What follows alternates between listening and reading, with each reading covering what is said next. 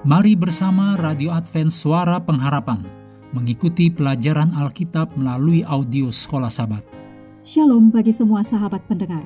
Kabar baik bahwa kisah dan kesaksian terkait siaran dan pelayanan AWR Indonesia kini dapat diikuti secara berkala, baik melalui siaran harian Radio Advent Suara Pengharapan setiap minggu kedua dan keempat, juga melalui YouTube dan Facebook AWR Indonesia. Terima kasih banyak untuk yang sudah menyampaikan dan masih terbuka bagi Anda semua untuk segera SMS atau telepon ke nomor AWR di 0821 1061 1595 atau di nomor 0816 1188 302 untuk WhatsApp dan Telegram. Kami tetap menunggu dukungan Anda. Selanjutnya kita masuk untuk pelajaran hari Minggu tanggal 28 Agustus. Judulnya Roti yang dipecah-pecahkan dan Anggur yang dicurahkan. Mari kita mulai dengan doa singkat yang didasarkan dari 1 Petrus 3 ayat 4. Roh yang lemah lembut dan tenteram, yang sangat berharga di mata Allah. Amin.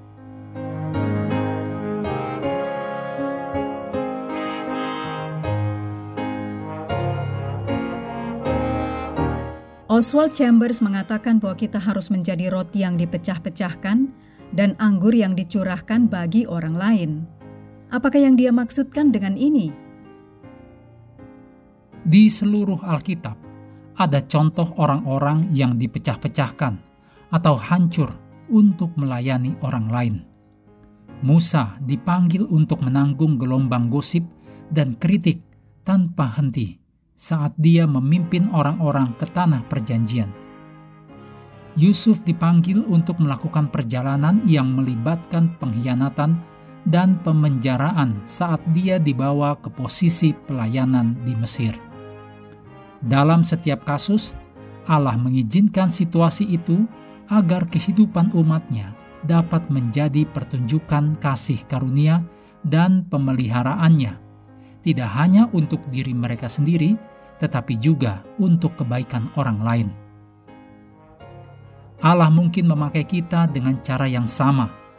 Sangat mudah untuk merasa marah atau terluka dalam situasi seperti itu.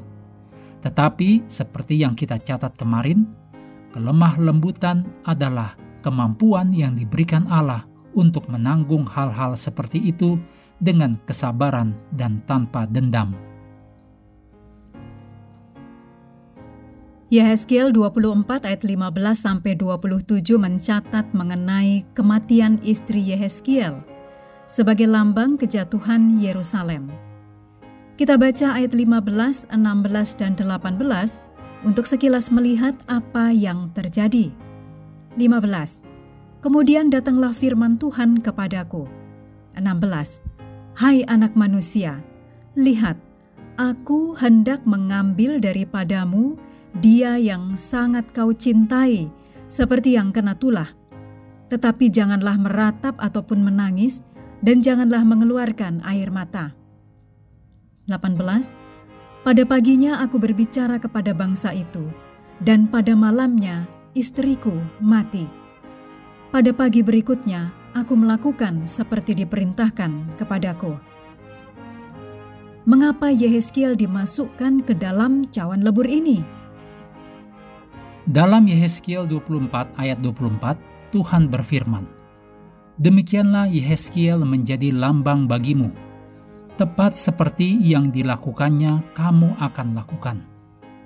Kalau itu sudah terjadi, maka kamu akan mengetahui bahwa akulah Tuhan Allah.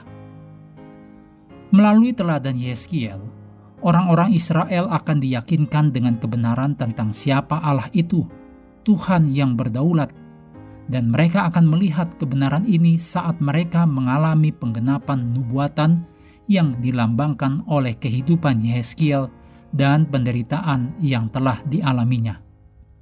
Siapa yang tahu berapa banyak orang yang akan melihat Tuhan yang berdaulat melalui kita pada saat kondisi kita dipecah-pecahkan atau hancur.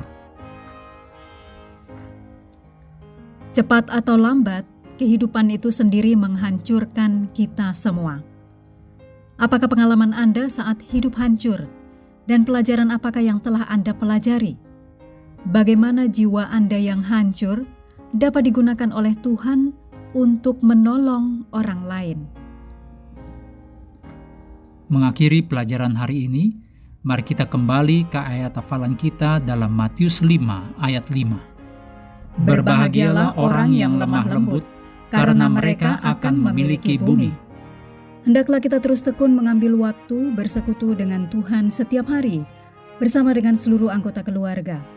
Baik melalui renungan harian, pelajaran sekolah sahabat, juga bacaan Alkitab sedunia percayalah kepada nabi-nabinya, yang untuk hari ini melanjutkan dari Hakim-Hakim pasal 16. Tuhan memberkati kita semua.